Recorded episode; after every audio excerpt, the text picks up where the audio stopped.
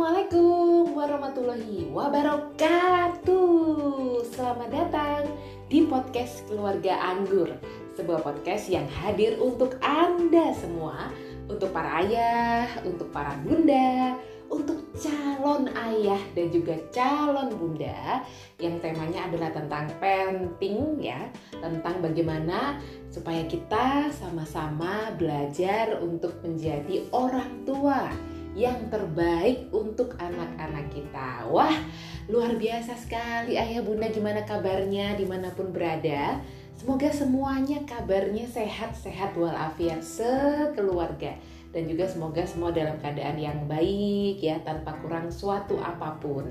Kalau misalnya pada saat mendengarkan podcast ini ada yang sedang diuji apa pun bentuk ujiannya, Semoga segera Allah berikan pertolongan, segera Allah berikan kesembuhan, dan juga semoga segera Allah berikan jalan keluar yang terbaik dan ujian-ujian yang kita hadapi dari hari ke hari. Semoga itu membuat kita menjadi manusia ataupun juga orang tua yang lebih tangguh lagi. Amin ya robbal alamin. Dan gak terasa ini uh, ini memang masih di masa pandemi ya dan ini udah masuk bulan Ramadan wah masya Allah ini Ramadan kedua yang kita rasakan di tengah kondisi pandemi ya. Setelah Ramadan tahun lalu 2020 Ramadan tahun 2021 juga masih kita rasakan dalam suasana yang uh, ya memang belum seperti Ramadan biasanya lah ya. Masih di tengah uh, kondisi pandemi masih di tengah berbagai macam pembatasan sehingga uh, penyebaran corona itu tidak terjadi penambahan juga semoga semakin berkurang. Nah pastinya ada banyak cerita-cerita yang uh, kita alami. Cerita-cerita yang kita miliki kan ya ayah bunda ya di Ramadan yang istimewa ini. Ramadan yang beda Ramadan yang masih berada di tengah uh, suasana pandemi corona.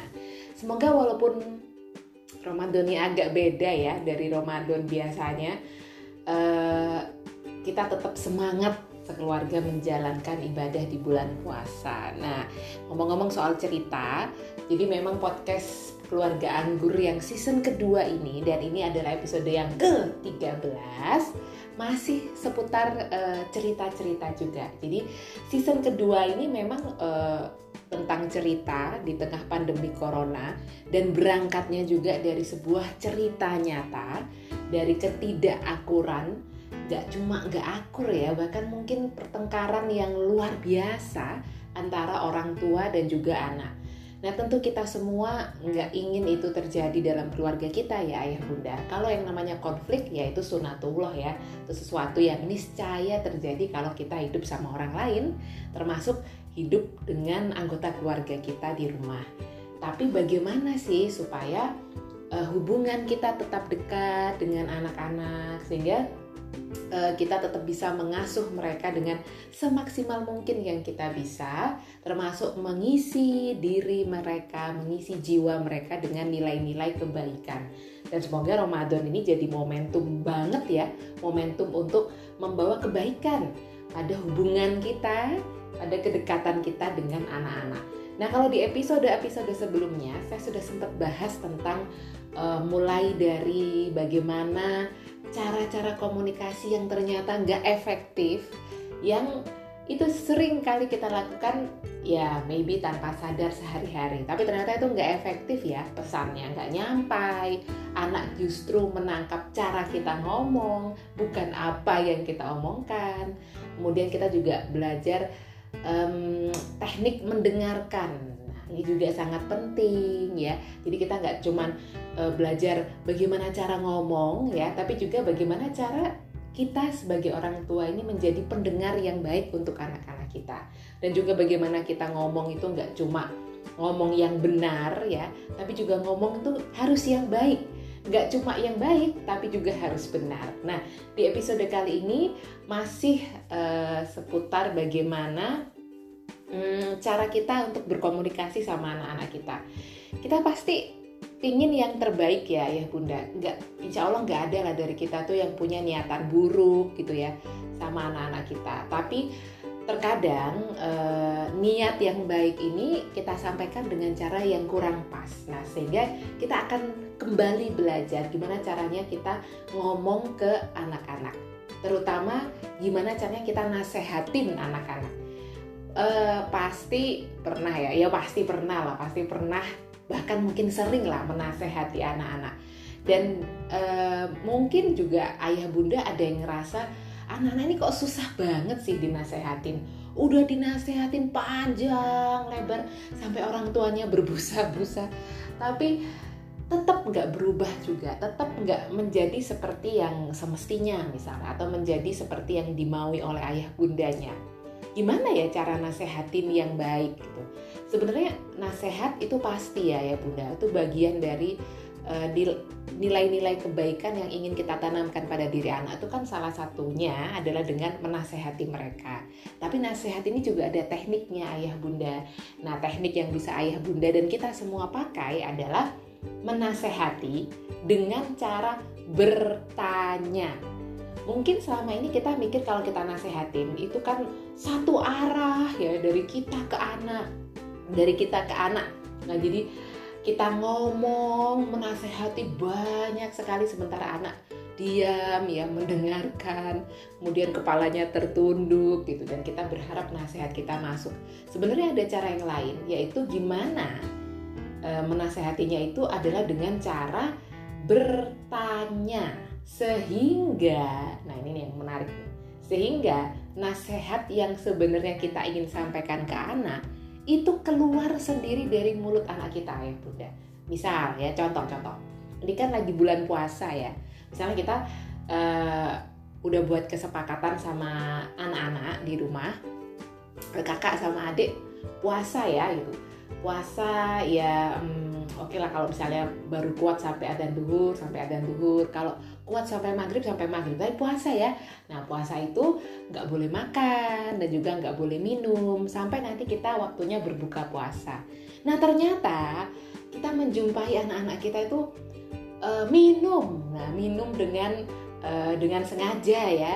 Karena mungkin uh, haus ya ya namanya juga baru belajar ya. Haus kemudian atau mungkin kita menjumpai atau lebih tepatnya mungkin memergoki ya. Karena biasanya minum atau makan pada saat puasa itu kan dilakukan oleh anak itu biasanya diam-diam. Ternyata kita memergoki mereka makan atau minum. Nah pasti kita ingin ngasih nasihat ya. Kita ingin ngasih nasihat bahwa ya sebenarnya puasa itu kan ya nggak boleh makan dan nggak boleh minum. Dan kita justru poinnya adalah pada menahannya itu loh menahan lapar dan hausnya itu tapi coba deh kita tuh menasehati dengan cara bertanya sehingga nasihat itu muncul atau keluar justru dari mulut anak-anak kita ya bunda. Misalnya kita kasusnya kayak tadi ya memergoki anak kita tuh makan atau minum pada saat puasa. Dan itu kan harusnya nggak boleh ya. Dan apalagi kalau misalnya kita udah bikin kesepakatan sama mereka berarti mereka melanggar kesepakatan. Nah coba deh bertanya misalnya loh adik kok adik minum sih? Adik puasa nggak? Misalnya dia bilang ya puasa pun gitu. Nah kalau puasa itu nggak boleh apa ya adik ya? Adik tahu nggak? Masih inget nggak yang kemarin bunda uh, omongin ke adik kalau puasa itu kita nggak boleh apa nak? Kalau puasa itu kita nggak boleh makan dan nggak boleh minum. Nah kok adik minum? Kenapa Soalnya ada lemas bun, haus, panas lagi habis main di luar. Rasanya haus, pengen minum. Tapi boleh nggak kita minum pas, pas lagi puasa? Nggak boleh bun. Nah jadi gimana dong caranya supaya adik e, bisa tahan untuk nggak minum karena lagi puasa? Hmm, gimana ya bun? E, mungkin aku harus uh, minum banyak-banyak ya pas sahur ya. Oh betul, memang waktu sahur kita harus uh, banyak minum supaya kita nggak kehausan. Ada lagi nggak cara yang lain?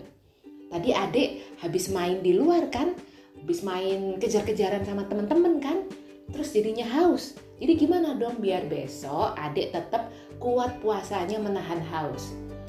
hmm, mungkin besok aku mainnya nggak usah kejar-kejaran ya pun aku mainnya jalan-jalan aja ya biar aku nggak capek biar aku nggak haus. Nah itu caranya. Jadi mulai besok pagi adik harus apa tadi? Kalau sahur uh, minum yang banyak. Betul.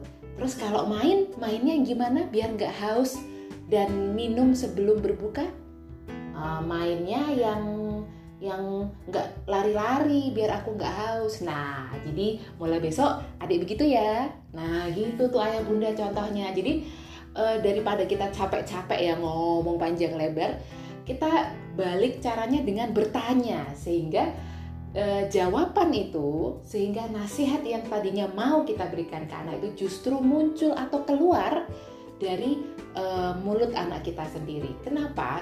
Ini uh, menarik dan sebenarnya ini penting banget. Jadi yang pertama, yang pertama sih karena kita menghindari ini ya. Kemarin kan ketika kita belajar cara-cara komunikasi yang gak efektif, salah satunya itu ada menasehati. Padahal menasehati kan penting. Nah kita menghindari menasehati yang gak efektif ayah bunda. Kemudian yang kedua, justru kita itu melatih anak kita itu untuk berpikir dan mengambil kesimpulan sendiri. Ini penting banget. Kemampuan berpikir itu adalah salah satu kemampuan yang harus kita latih uh, pada anak-anak kita. Karena nanti uh, tujuannya adalah next time ke depannya kalau ada apa-apa yang mereka jumpai di hari-hari mereka, mereka akan terbiasa untuk berpikir ayah bunda.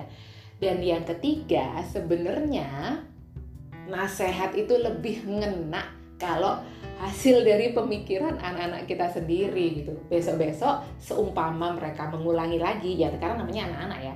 Kita tinggal ingatkan dan mereka akan nge-recall. Jadi mereka akan berusaha untuk oh iya ya aku kan kemarin udah ngomong gini. Nah, itu akan jauh lebih efektif ketimbang kita menasehati satu arah.